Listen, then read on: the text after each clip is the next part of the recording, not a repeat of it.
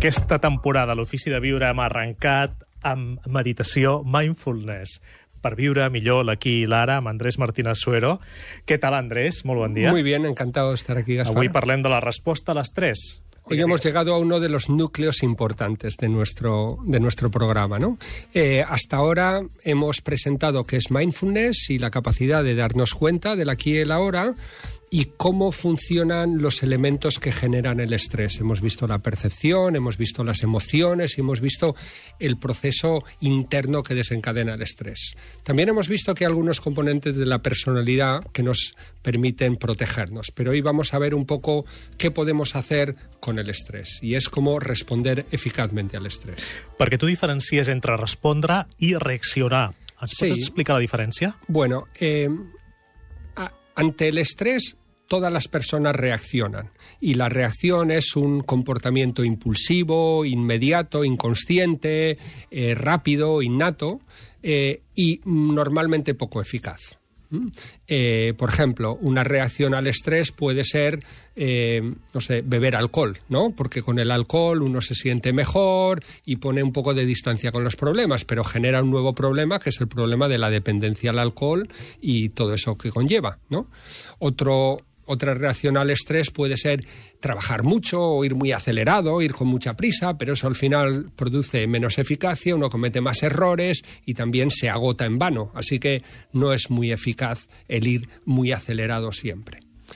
Entonces, ¿qué es la respuesta al estrés? La respuesta al estrés parte de darse cuenta de lo que ocurre y establecer qué es lo que puedo hacer yo con lo que está pasando no mirar tanto hacia afuera, sino mirar hacia adentro. Y generar algún tipo de momento de pausa o momento de tranquilidad en el cual uno pueda ver lo que le ocurre y distinguir que una cosa es lo que me pasa y otra cosa es lo que yo hago con lo que me pasa.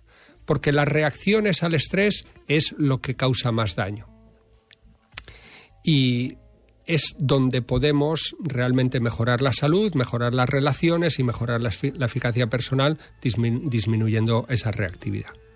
I tu ens recomanes dur un registre d'alimentació i consums, ens, ens parlaves de l'alcohol, no? És a dir, Vale. d'hàbits que generem... Una, una forma de prestar atención a lo que hacemos, y lo hemos venido haciendo estas semanas, es tomar registros de los comportamientos.